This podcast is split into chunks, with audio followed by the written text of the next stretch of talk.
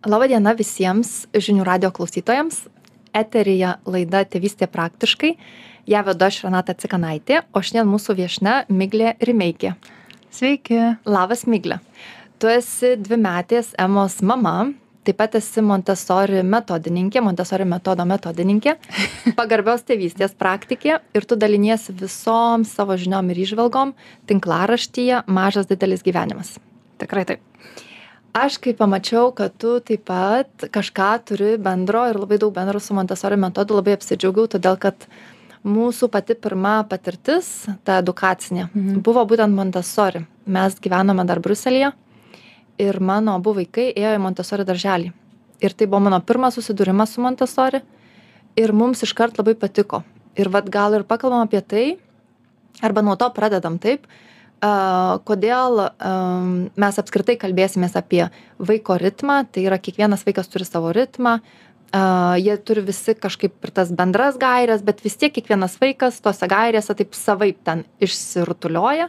Ir vat būtent Montessori metodas man labai padėjo stebėti mano vaikus ir juos pastebėti būtent, ko, kur šiuo metu jie yra, kas šiuo metu jiems jautru, kas jiems įdomu, kuo jie domisi, kokius poreikius turi ten savo galvoje tai montesori man buvo toks nežinau nuostabus atradimas ar tu gali papasakot apie savo pirmą galbūt susidūrimą su montesori ir kodėl vat būtent tavyje tai pasiliko Mhm. kas tave patraukė Tai, žinai, iš tikrųjų labai panašus dalykai rezonavo ir man, ką ir pati sakai. E, Kadangi prieš gimstant dugrai aš jau dešimt metų buvau švietime ir buvau dirbusi tiek su mokyklom, tiek su darželiais, tai tie visi metodai daugiau mažiau, na, buvo žinomi taip paviršiumi, a, bet viena yra žinoti teoriškai, a, kita yra, ar ne, kai tas vaikas tau nukrenta į rankas praktiškai ir natūralu pradėjau domėtis daugiau. E, Man labai pritiko pagarbios tėvystės filosofija, nuo kurios aš paskui taip natūraliai žingsnis per žingsnį atrodo, dar tas skaitinys, dar tas skaitinys, apsukau ratą prie Montessori, nes vis tiek Montessori yra labiau orientuotas, na, į lavinimą. Nors Mhm. jisai daug kalba ir apie vaiko asmenybę, ir apie savarankiškumą, autonomiją, bet pagrindas toks ar ne, tos metodikos vis tiek yra lavinimas. Ir mane labai labai patraukė visų pirma daiktų kiekio mažumas, mhm. tų ar ne priemonių. E, Visų antra, tai tas dėmesys būtent vaikui ir jo poreikiu, kad pirmoje vietoje yra ar ne, ne kažkokia lentelė, ne kažkoks metodas, ne kažkoks teorinis reikalavimas, bet mano vaikas. Nes toks tarsi paradoksas, ar ne? Mes turime tas lenteles, a, kada tie vaikai turi visi kažką daryti, bet tuo pačiu mes sakome, kad gi kiekvienas vaikas yra unikalus ir kaip va tame a, susigaudyti, nes nu, tos lentelės, nu jos nėra iš piršto laužtos, ar ne, tendencija raidos yra. Bet labai dažnai, ypač nu šio laikinės mamos, ar ne, man gydytojas sako, penki mėnesiai, kodėl dar nesiverčia. Viskas, drama. O kad jis verčiasi penki mėnesiai vieną savaitę. Tai iš tikrųjų tas Montessori metodas, man kaip mamai ir kitoms mamoms, su kuriuom bendrauju, žinau, kad šiek tiek palengvina mhm. Tą kelią ir mes taip su kolegė, su kuria kuriame e, Montessori priemonės dabar jau vaikam, juokajam, kad tai yra tinginių tėvų metodas. Nes jisai tau leidžia atsisėsti su karštos kavos podeliu ir stebėti savo vaiką. O ne bėgti greitai čia mokinti kažką, nes kažkokia lentelė taip sako. Tai va, tai aš tame radau labai daug komforto, man tai Mhm. atsakė į labai daug klausimų, a, panaikino labai daug abejonių, to nerimo, tos ar netokios baimės, kad gal kažko nedadarau, gal kažko nepakankama, ar ne, ką čia dar nupirkti, kaip čia dar mokyti. Daug tos būna, ar ne, ypač kol tas kūdikis, vaikas, tie pirmie metai. Tai Montessori labai gražiai nutildo visą tai ir nu, palieka tai, kas yra esmė. man labai dar patinka kaip montesori įsilieja taip tarsi natūraliai ir ir taip lengvai paprastai į visą tai kas yra namų buitis vat kas mums labai stringa su vaikais tai kaip tu čia dabar nesitvarkai kaip čia išmokyt tvarkytis kaip išmokt kažkokių tai ten visokių tokių konceptų.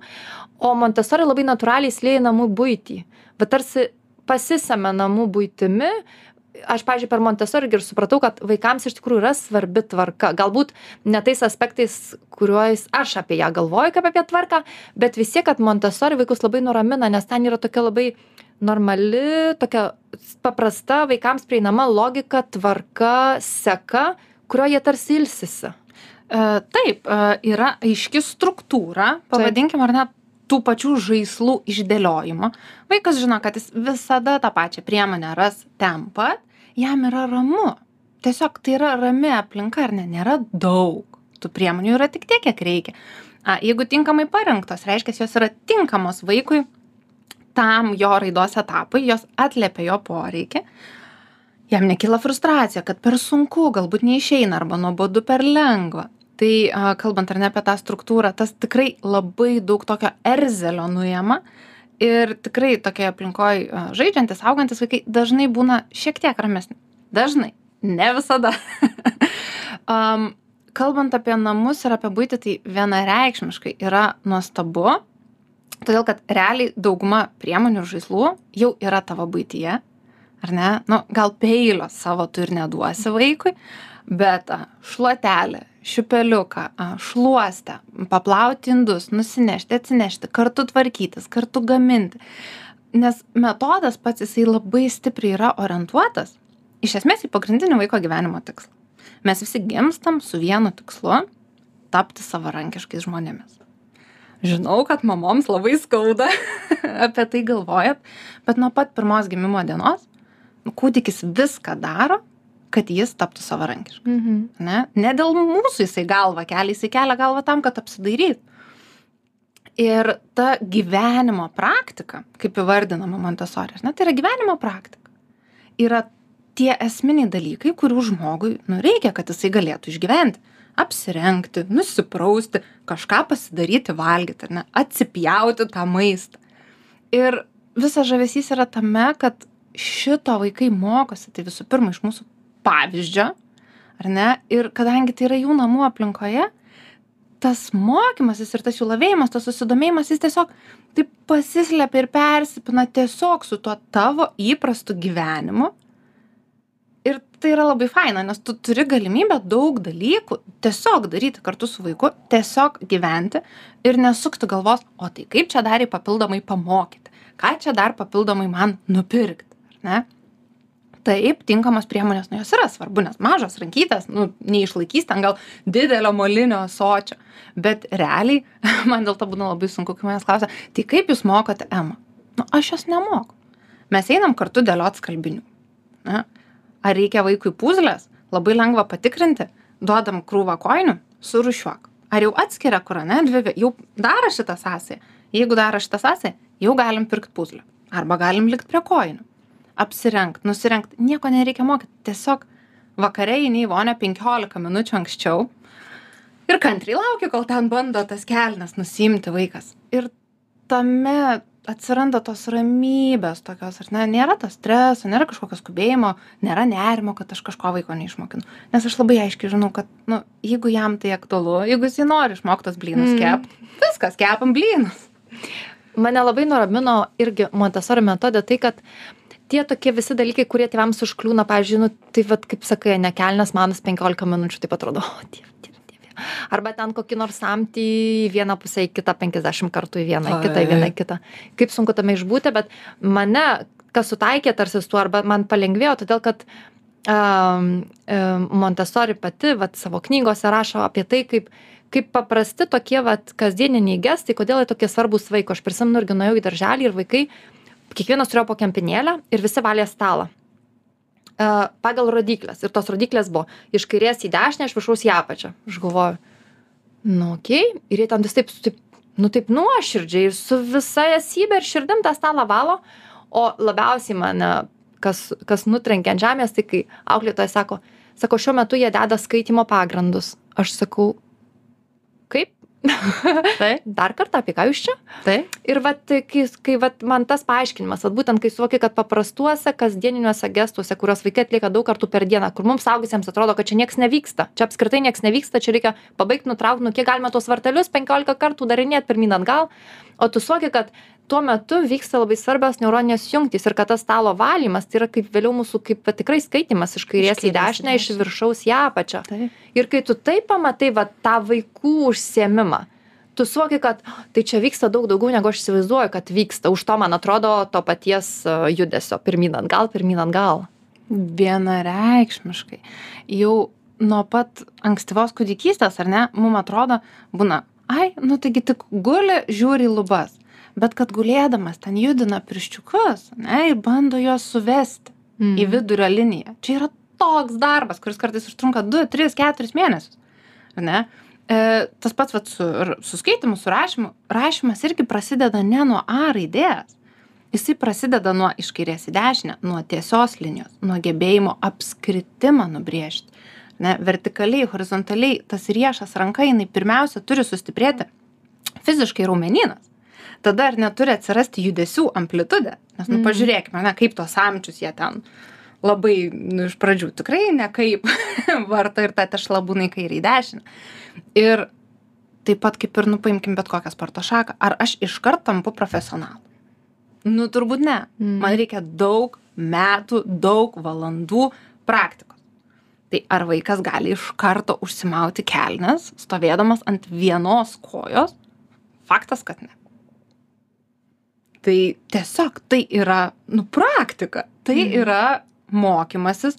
Ir kodėl mes mokykloj ar ne dvylika metų praleidžiam o iš savo mažylių tikimės kad jie čia kažką padarys iš karto. Tai tą suprantant tikrai pasidaro tiesiog lengviau ar tu nuo to tapi kad kantresnis? Na tikrai ne visada. Bet kai žinai tada gali sąmoningai paskirti tam laiką matai kad šiandien gali pradėti ruoštis išeiti iš namų į kiemą anksčiau ne? Tą ir darai. Pasikvieti vaiką. Gal tu nori pabandyti apsirengti pats pasiemi arbatą atsisėdi kampe koridoriuj gurkšnoji arbatą kol vaikas rengiasi arba jeigu pastebi kad va tikrai dabar yra tas jautrusis laikas mokytis apsirengti tai vietoj kažkokio žaislo galima padėti krepšelį su kelnėm ir kojinėm. Ir vaikas žais su kelnėm ir kojinėm kas mum gali atrodyt nu nesąmonė bet jam tai yra nu esminis dalykas nes kas pažįsta suaugusį žmogų kuris nemoka užsidėti kelnių? Nu kažkada vis tiek reikia išmokti. Anksčiau ar vėliau vis tiek reikia. Tai gal geriau anksčiau? Aš primenu mūsų klausytojams kad kalbamės su migle rimeike apie montesori metodą namuose ir apie tokį labai paprastą ir gana lengvą jo taikymą nes jis tarsi pritaikytas buičiai ir tarsi pritaikytas gyvenimui šeimoj ir namuose su tam tikromis priemonėmis kur galime įsigyti bet kaip ir tu įvardinai daugumą jų mes jau turime namuose net neįsivaizduodami kad čia yra tarsi edukacinės priemonės. Ir am, aš prisimenu taip pat am, skaičiau daug kartų vat ką tu ir paminėjai apie tuos jautruosius periodus. Kas tai yra? Gal plačiau papasakojam? Jautriai periodai yra labai labai naudingas dalykas, a, tokia tarsi špera a, mums tevams, todėl kad vėlgi a, per daug metų tyrimų stebėjimų, ar ne, mes pasteb, yra pastebėtos tendencijos. Ta vaikų raida jinai tikrai yra panaši. Net jeigu pažiūrėtume, kokie pirmieji garsai būna, vaikai skirtingi, bet net ir garsai panašus, ar ne, tai ir raida yra panaši, nes tiesiog nu, mes vystomės panašiai ir a, jautrieji periodai yra pastebėti skirtingais amžiaus tarpsniais suaktyvėjęs a, žmogaus vaiko jautrumas tam tikrai konkrečiai sričiai. Pavyzdžiui ar ne tai gali būti a, suintensyvėjęs suaktyvėjęs jautrumas kalbai kalbos raidai ar ne. Tai gali būti suaktyvėjęs suintensyvėjęs jautrumas matematikai muzikai a, tai pačiai gyvenimo praktikai asmeninei higienai am, skaitymui rašymui ar ne? To tom tikrai pagrindiniam baziniam sritim. Ir a, kas tada vyksta a, jeigu mes pastebim kad pavyzdžiui turim marškinėlius ant kurių yra užrašytas koks nors žodis. Vaikštom su jais kiekvieną dieną su vaiku būnam būnam vieną dieną jis pradeda. Kas čia? Kas čia? A a m ne? Kartoja kart. Ir staiga pradeda visur matyt raides. Žurnalai pradeda darytis įdomūs knygos ar ne kažkokios vitrinos viskas. Tai yra signalas kad jam greičiausiai atėjo periodas jautrusis raidėms ane kalbai skaitymui nu nepradės skaityti ne? Bet raidės nu yra pradžia. Ką mes tada darom? Galim išskirtinai daug dėmesio tam ir skirti ne? Ištraukiam abėcėlės plakatą ištraukiam kokią knygelę a turim daugiau žurnalų duodam žurnalų antraštes tie patys marškinėliai su tekstais. Bet realiai vaiką natūraliai labai stipriai pradeda domint viena sritis ir tai yra pati didžiausia įmanoma vidinė motyvacija kažką naujo į save sugerti. Ir tai yra geriausias toks kaip pasakyt efektyviausias laikas ne? Mm. nes nu kai tu turi milžinišką vidinę motyvaciją kažką sužinoti ir išmokti konkrečiai tavo yra labai siauras fokusas tu į tą nori nerti giliai čia ir dabar greitai ir tikrai tas mokymasis ir lavėjimas jis vyksta žymiai greičiau negu mes bandytume išmokyti raides tarkim ar ne kitu periodu. Ar išmoks vaikas? Tikrai taip. Ir sako oi bet jau praleidau. Tai nieko tokio. Mes visi tas raides išmokstame bet jeigu mes pastebime tą jautrųjį periodą mes galime tiesiog na tą išnaudoti maksimaliai atliepti vaiko poreikį nes jisai norės a, to kas jam yra aktualu. Ir tada vėlgi vaikas užsiėmęs ilgiau prie tų veiklų ramesnis atliepiamas jo poreikis jisai mokosi tai kas jam tuo metu yra aktualu. Tai čia taip pat kai esu alkanas nu aš noriu gauti valgyti ne? Tai a, kitas pavyzdys a, ten pavyzdžiui jautrusis periodas higienai. Tarp dvylikos aštuoniolikos mėnesių mažyliai vėlgi tarp dvylikos aštuoniolikos. Tai yra rėžis ar ne? Tai vienam gali būt dvylikos kitam gali būt septyniolikos ar aštuoniolikos su puse. Pradeda staiga domėtis a, kas iš manęs čia bėga ką mama ten veikia ant to tualeto kaip jis nusileidžia kas yra puodukas. Patys nei iš šio nei iš to vieną dieną pradeda klausinėt viskas aišku. Einam kartu į tualetą pasakojam kas vyksta naudojamės ta proga nors ir fiziologinio gebėjimo laikyti šlapimą jie dar neturi ar ne? Ir tarsi e, atsisakyti sauskelnių dar fiziškai negali bet žinios proceso suvokimas kūno pažinimas ar ne kas su manim vyksta prisipratinimas prie tokio daikto kaip puodukas apskritai ar ne jo įtraukimas į rutiną ten tarkim ryte vakare jau gali įvykt Mm. ane ir mes tada padedam pagrindą vėliau ateina vėl tie jautrieji periodai jie banguoja ar ne? Nėra kad atėjo jau neišmoko kažko ir viskas niekada neskaitys. Jie banguoja jie yra ilgi. Ir sustiprėja vienas susilpnėja kitas.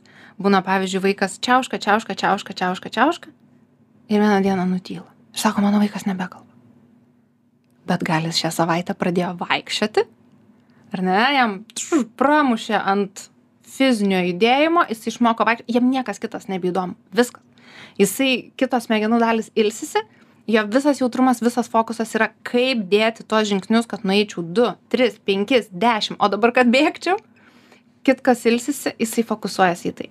Tai tiesiog tą pastebėdami mes galim geriau atliepti a, savo mažųjų poreikius. Ir čia labai gerai paaiškina, tai labai dažnai juk vaikų gyvenime būna, atrodo, ten savaičių, savaitėm kažkas buvo labai įdomu, ten dėliojo, vat, būtent tas kaladėlės nenuėjo ir staiga net neprieina jų, nepažiūri jų pusę mes galvom, kas čia atsitiko su tuo vaiku, tai ar čia kažkoks įvykis nutiko, kaip čia tos kaladėlės, atnešam tas kaladėlės, sakom, žiūrėk, čia tos tavo kaladėlės, tu žaisdavai su jom, buvai neišskiriamas ir vaikas ir vėl toliau jas nežiūri, mes galvom, Taip. kas čia atsitiko, iš tikrųjų atsitiko, kaip tu sakai, kad vienu momentu visa energija, visas fokusas buvo ten, nes tuo metu vyko kažkokios labai stiprios neuroninės jam jungtys. reikėjo išmokt pastatyt tą bokštą Ir kai tai buvo atliepta, tada op ir jisai perina prie kažko kito, nes atsirado tarsi kita banga atėjo ir šiuo metu banga visai kitur veda, bet tai nereiškia, kad po trijų mėnesių jis negrįž prie kaladėlių, nes galbūt norės įtvirtinti arba kažkaip kitų kampų dar tą bokštą pastatyti. arba jam atsiras suvokimas kad bokštas ar ne ne tik plokščias kad jis gali būt ir 3D tai jisai tada jį ten jau kažkaip sudėtingiau statys. Arba gal jis tą bokštą pradės statyt rūšiuodamas spalvas ar dydį ar ne? Tai tikrai labai daug nu, tų priemonių ar ne žaislų kaip bepavadinsi a, prie jų grįžtama dar ir Mhm. dar ir dar nes aš išmokstu vieną lygį aš pereinu prie kažko kito aš išmokstu kitą lygį vėl pereinu ar ne? Tai etapais vyksta tai tikrai taip tai tikrai tikrai banguoja.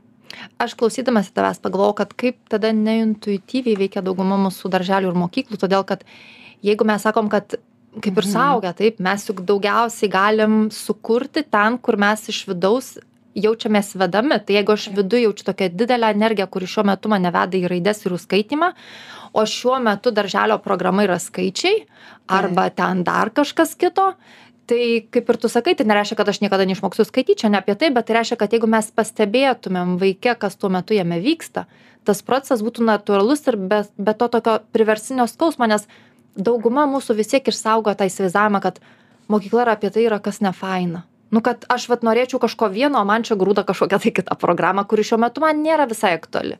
Tai vat jeigu tik galėtumėm labiau tą edukaciją vaikų vesti per tai bet kuo šiuo metu vaikas gyvena vat kas jam šiuo metu jautru kur jisai nori investuot visą savo energiją? E, visiškai vienareikšmiškai ir smagu, kad prie to šiaip juda po truputį švietimas, atsiranda projektinis, kontekstinis ugdymas, kur ar ne keli dalykai tarsi vyksta vienu metu apskritai tarp jų sąsajos, ar ne, atsiranda, kad nėra tik skaičiai raidės. Nes šiaip skaičių mokymasis, pavyzdžiui, skaičių pavadinimo kaip simbolių, tai yra ne matematika, tai yra kalbos mokymas. Na, kaip tai yra susiję, kad čia yra vienas, o čia du, ar ne? Tai e, tuo Montessori apskritai metodas kaip metodas klasėje, ar ne, darželėje ir yra išskirtinis, nes tai yra mišraus amžiaus grupės, pavyzdžiui, 0,3, 3,6, ar ne, tai jau natūralu, kad skiriasi jų poreikiai, plus net ir vieno amžiaus vaikai gali šiuo metu turėti skirtingus poreikius ir tuo va tai ir yra įdomu uh, ir gyvena jau šimtą metų, kad yra veiklos ar ne ir priemonių tarsi visiem, bet kiekvienas pasirenka tai, kas jam aktualu. Taip, ten yra bendrų veiklų, kurios irgi yra ir apie kalbą, ir apie skaičius, ir apie, ir apie pažinimą, daiktus, gyvenimo praktiką, va tą pačią, ar ne? Bet kiekvienas vaikas turi kažkiek laiko, va tam savo poreikiu patenkinti. Ir jeigu mes kalbame apie metodo pritaikymą namuose, tai mums kaip tėvams tai yra unikaliai geras dalykas, nes mes turim tik vieną, du, tris vaikus, mes neturim klasės. Ir mums užtenka, nu, sakau, užtenka, nors tai yra sunkus šiaip darbas, bet pastebėti tą savo vaiką, mm. ką aš turiu meni, tai literaliai atsisėsti ir į jį žiūrėti, prie ko jis eina, ką jis daro, dieną iš dienos, o kaip tu sakai, ne, atidarinėja mm. vartelius. Ok, reiškia, jam va ta priežastis pasiekmė atidariau, uždariau. Nu ką aš darau? Einu, prirenku visokių iš virtuvės skirtingai atsidarančių indelių. Iš sandėliuko randu kelias skirtingai atsidarančias dėžes, dar kažkokį gal diržą ar ne, užsekt atsekt, duodu, žiūriu. Aha, sėdi valandą, kol kiekvieną išsiaiškina skirtingai. Viskas, ramu. Čia yra tavo žaislai šiai savaitai, kol vieną dieną, kaip tu ir sakei, visus išmoks, viskas bus aišku, pasidarys nebeįdomu, nueis kitur. Bet realiai tiesiog pastebėti be kažkokios iš ankstinės nuostatos, kad tu dabar turėtum. ne, Arba kad tau turėtų būti įdomu. Arba kad aš tau kažką nupirkau ir tu dabar žaisk su šitu, nes nu, aš tai jau nupirkau. Mm. Be jokios nuostatos, kaip tokie, tokie kokie tyrėjai ar kokie žurnalistai. Nesėdim ir žiūrim. Aš kai mokiausi, mano vienas iš baigiamųjų darbų buvo stebėjimo ataskaita. Kas tai yra? Tai yra gal 50 lapų, kur tu tiesiog, ta prasme, be, tiesiog rašai. Jeigu tu turi kūdikį, tai tu rašai.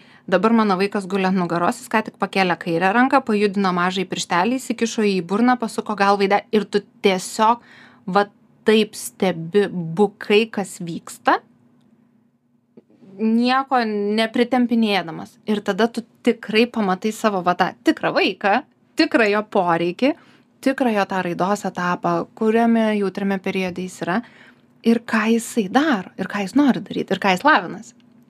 Tada belieka tik tais atliepti. Mano buvo, aš tuo pačiu metu, kai tu pasakai, galvojau, aš irgi noriu pasidalinti ir tu pasidalinai tą pačią patirtim ir netgi tą pačią užduotimi. Mano taip pat, dar kai gyvenau Bruselėje, viena iš uh, studijų užduočių buvo, mes turėjome atlikti praktikas ugdymo įstaigose, Mhm. tai pasirinkti vieną vaiką grupėje ir jį 15 minučių stebėti ir aprašyti. Ir aš, aš galvojau, nu kas ten per tas 15 minučių tiek nutiks, nu ten pat tris sakinius parašysiu. Nespėjai rašyti. Bet nespėjai rašyti, tu prašai lapas po lapo, lapas po lapo, lapas veja lapą ir tu suoki, kiek daug per tas 15 minučių visko nutinka, kiek daug. kiek tu daug gali pastebėt, vat net penkias minutės sau davęs. Užtenka. Ilgiau pradžiai net ir yra sunku. Mm. Užtenka penkias minutės per dieną. Septynias, dešimt. Geriu ryte arbatą, pažiūriu, kur vaikas laksto, ką veikia ar ne. A, vakare pavakarieniaujam, geriu arbatą, dar penkias minutės pažiūriu. Per akis. Dabar padarysim trumpą pertraukėlę ir netrukus grįšime į eterį.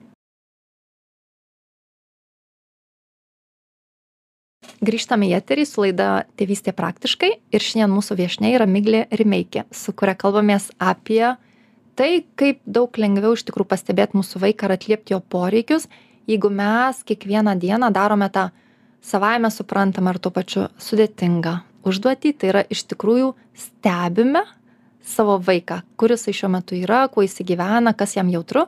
Ir mes remiame šiandien Montessori metodu, kuris iš tikrųjų labai padeda stebėti ir pastebėti vaiką. Ir mes prieš pertraukėlę įvardinom tas mišres grupės ir aš taip pat prisiminiau, kad kaip svarbu iš tikrųjų, kad vaikas, mes labai dažnai vėlgi ugdymo įstaigose norim, kad visi vaikai būtų vienodo amžiaus, tarsi taip lengviau atliepti. Bet kaip iš tikrųjų, kai yra mišros grupės, visų pirma, tai labiau atitinka gyvenimą, nes retas iš mūsų dirba su kolegomis vienodo amžiaus. Mes vis tiek vėliau gyvenime susidurėm, kad žmonės skirtingo amžiaus. Ir, ir kaip, bet taip pat vat, vaikai visai kitaip mokosi tikriausiai taip labiau natūraliau tie vyresni vaikai, aiškindami mažesniems, patys labiau pasikartoja tai, ką žino ir užsitvirtina žinias ir tuo pačiu, aišku, jaučiasi naudingi, kas yra irgi labai svarbu. O jaunesni, juk jie viską mokosi apskritai vaikai kopijuodami. Tai jie turi nuo ko tarsi nukopijuoti, kas lengviau nukopijuoti vyresnį vaiką negu suaugusį žmogų, todėl kad vis tiek tai yra daugiau panašumų. Ir tarsi gaunasi tokia vat, ekosistema, kuri pati save maitina. Tai tas, man atrodo, irgi labai svarbu. E, vienareikšmiškai plus broliai sesės. Taip. Ar ne? Vėlgi, na, taip, turim dvinukus, bet dažnu atveju minimum nu, pusantrų metų skirtumas. Ir uh, tokiu būdu, kai vaikai yra ar ne skirtingo amžiaus, aišku, jeigu tai bus dvimečiai ir penkiolikmečiai, nu, jau nebus to ryšio. Mm. Bet kai tai yra plus minus du, trys, netgi keturi metai, gaunasi toksai abiem pusėm tikras praktinis mokymasis. Nes mažieji mato modeliuojamą pavyzdį ir kopijuoja, kaip ir tu sakai, vyresnieji mokosi per tą mokymą, užsitvirtina. Plus labai svarbus dalykas, kad jie mokosi to mm, rūpestingumo, mm. ar ne, atjautos. Čia yra labai didelis ir a, socialinis a, momentas, ar ne, kur mes mokomės sutarti, a, vėliau pasidalinti, užleisti, atleisti, ar ne, galbūt pajusti, kuris vienas yra kažkokioj situacijoj stipresnis, tai padės ar ne, kitas galbūt užleis. Na, yra labai daug natūralumo tame ir taip, vaikų mokymasis tada yra tikrai, a, tikrai labai žavus ir mažiau netgi ir mūsų saugusių reikia įsikišimo. Ar tu pati taikydama šitą metodą namuose su savo dukra, ar tu jį kažkaip uh, per save perleidi, ar tu stengiasi išlikti ištikima um, toms oficialioms e. Montessori gairėms? E, nesistengiu, todėl kad tingiu. um, šiaip, uh, jeigu taip žiūrint, ar ne, Montessori metodas, jisai yra vis tiek, yra sukurtas, na, pavadinkim, klasė, ne, dideliai grupiai vaikų. Ir tai yra daug įvairių priemonių, nes vėlgi, kuo yra išskirtinės, galbūt Montessori priemonės, jos yra labai siauro panaudojimo tai reiškias kad kiekviena priemonė atliepia vat kažkokį vieną mikro judesį suvokimą išmokimą kur aš ją įvaldžiau einu netgi ta pati priemonė gali turėti tris lygius ar ne? Jeigu tai yra objekto pastovumo dėžutė kur metu kamuoliuką tai pirmas bus kur išriedėjo aš matau. Antras jau bus kur neišriedėjo aš turiu atidaryti. Trečias jau tai bus stalčius sunkiai ar ne? Yra ir jų yra labai labai labai daug Mhm. Tai mes namie tiek, na, tikėtina, ir neprisipirksim, ir neprisikrausim, ir nereikia. Bet, kaip ir kalbėjom prieš tai, namie yra tas išskirtinumas ir unikalumas, kad mes turim labai daug gyvenimo praktikos mm. nesuvaidintos, mes turim tą viens ant vieno kokybišką laiką ir, ir namie tu gali daugiau improvizuoti. Tai a, mano ta adaptacija namuose yra tokia, kad vert, vis tiek svarbu yra vertybės Mhm. Ne daiktai. Ne? Tai a, vertybiškai tas dėmesys savarankiškumui, tai gyvenimo praktikai, tam poreikio atliepimui jisai yra numeris vienas. toliau a, kas liečia priemonės, aš tikrai esu linkusi e, labiau improvizuoti, nes galbūt vietoj penkių tų skirtingų objekto pastovumo dėžučių, su kuriam žais po savaitę, nes išmoks ir nebeįdomu, nu aš ten pakarpysiu skilių batų dėžėse ir that will do tam momentui. Ir e, aš, pavyzdžiui, esu linkusi rinktis daugiau atviro tipo mm. priemonių, ar ne, kurios, va tos pačios kaladėlės, su jom žais, kai mokysis, kad kai sudauži du daiktus yra garsas, tada su jom žais, kai pastatys bokštą iš trijų, po kažkiek laiko grįž, jau pastatys bokštą iš penkių, tada jau atsiras 3D bokštas, o tada tai taps pilim, keliu, kažkuo jau ten įsijungs fantazija ir žais su tom kaladėlėm vaikas iki ten 10, 11 ar ne. Tai tokias priemonės, na, universalesnės, tai, nu, jos ir vadinasi open-ended atviro tipo priemonėm. Ir uh, mes ir sakau vaikus savo, kur kūrėme tas priemonės, irgi žiūrim, kad tai būtų taip, tai yra pagrindas metodinis konkretaus gebėjimo lavinimui, bet ta priemonė, nu, jinai nenustoja gyventi gyvenimo po savaitės, ar ne? Tu ją gali ir taip panaudoti, ir kitaip, kažkaip pritaikyti keliais skirtingais būdais, kas tarsi ir prieštarauja metodui, nes mm. metodas yra labai siauras, bet e, namuose tu gali savo tą prabangą leisti, nes tu gali vaikui, ar ne, tame amžiuje pristatyti tą priemonę taip, kitame amžiuje kitaip, o žiūrėk, dar vaikas sugalvos trečią ir ketvirtą ir penktą panaudojimo būdą. Tai aš taip žiūriu šiek tiek laisviau. Kūrybiškai. Kūrybiškai. Aš norėjau pasidalinti labai panašią vienintelę nemailę Montessori metodui. Tai, kad aš pastebėdavau, kad ir vėlgi mes ir iš pradžių vardom, kad tai yra metodas labiau ugdymo įstaigoms. Ir kad ugdymo įstaigose jisai taikomas griežtai, taip kaip parašyta, paraidžiui ir aš visą laiką pastebėdavau tos tarsi vaikų tokią frustraciją, tarsi, bet aš iš pradžių norėčiau apčiupinėti visus šitus dalykus. Ne ten pagal paskirtį naudoti, bet iš pradžių norėčiau šiaip apčiupinėti, palaižyti, įsikišti burną, pažiūrėti rankose, tarsi taip kaip vaikai priima pasaulį. O ugdymo įstaigose vis tiek laikomasi tos tvarkos, kad yra tam tikras būdas naudotis tą priemonę ir kaip teisingai jinai turėtų būti naudojama, kad atliktų kažkokį, vad būtent tą atlieptų poreikį vaikė tai aš prisimenu irgi mes namuose patys irgi daug visko gamindavomės pagal tą tarsi koncepciją, bet savaip. Ir aš visą laiką sakydavau vaikams, kad galit iš pradžių susipažinti, o kai vaikai susipažįsta, apčiupinėja, apvarto, įsikiša į burną, palaižo, nu, bet ant grindų apsisuka ratą, grįžta atgal, vėl apsižiūri. Ir tik tada, vad sakydavau, jeigu norit, galim va dar, va ir tai pabandyti daryti. Tarsi, tarsi va ir atliepti tą tikrą funkciją, bet iš pradžių visą laiką leisdavau prisijaukinti tą priemonę, ar tarsi su ja pabūti, apsitrinti, tapti draugais ir tada jau kažkaip tai naudoti. Aš irgi niekada pirmą nesakau, ką su ja daryti. Man labai, čia mano toks būna eksperimentas, kur padedi ir, ir žiūri, o kągi mm. tu mhm. darysi. Bet i, vėlgi, kodėl ne? Ar ne? Nu, ko, o kodėl ne? Įstaigose taip natūralu, kad na, reikia šiek tiek kažkokios nu, tvirtesnės struktūros, mhm. nes kaip tu užtikrinsi kokybę ar ne kai tai yra pedagogas per pedagogą keičiasi tai yra nu daug žmonių tai yra platus dalykas ir natūralu ar ne tai yra sociumas tu esi sociume tai jeigu aš ten paimsiu kažkieno žaislą jį aplaižysiu ir atiduosiu atgal tą priemonę na turbūt a, nelabai gerai namuose mes galim sau leisti improvizuoti mes galim sau leisti šiek tiek džiazuoti tame mhm. metode mm. ir visada svarbiausia yra na ne daiktas ne viena priemonė bet vertybės tai yra tai ką tu iš to metodo pasiemi vertybiško. Ir ar tu žiūri apskritai taip į tą savo vaiko ar ne raidą ir lavinimą ar ne taip? Tai man atrodo tikrai galima nusiraminti šiek tiek ir ir ir ir tiek a, nesukti galvos, kad ten jau viskas turi būti pagal raidę, nes vėl grįžtam pagal raidę, pagal lentelę, ar neskubėti, ar spėsiu, ar, ar padarys, ar apsivers, ar kažką. Nu, kam to reikia? Tie, kurie mūsų klausos ir kurie niekada nėra išbandę, ar pirmą kartą išgirdo, ar susidomėjo, ar galvojo, visai čia smagu, nes pasirodo reikia tik būteko. Iš esmės. Ir galim, ne? rekomenduojama gerti kavą. Taip, ir galima šalia to atsipalaiduoti ir tik gerti kavą arba arbatą ar žiūrėti į vaiką. Na, tai vad, nu, nuo ko pradėti? A, nuo ko pradėti? Tai turbūt nuo pažinties su Montessori metodu.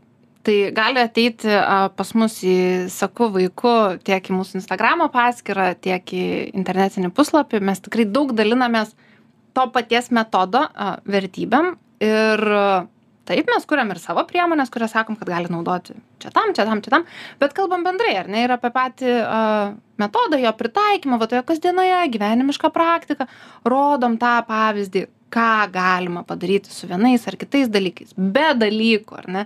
Tai tiesiog šiek tiek pasiskaitinėti pirmiausia apie, na, pagrindus metodus, ane, yra penki pagrindiniai principai, pasiskaitot, ar jums tai atrodo faina, ar norėtumėt pabandyt, jeigu taip, galima nert gilin. Bet realiai tai užtenka eiti su vaiku, nežinau suktis buity pradžioj. Visą tai, ko mes nenorim iš esmės vaikams atiduoti, ne, tai neimk čia tam stalčiui, čia samčiai uždaryk, ne, arba ten, aš, nu, kaip čia dabar, nu, tą tešlą aš čia ją padarysiu, nu, net mhm. tarsi visi tie dalykai, kur instinktyviai sakytumėm ne, iš tikrųjų reiktų sakyti taip.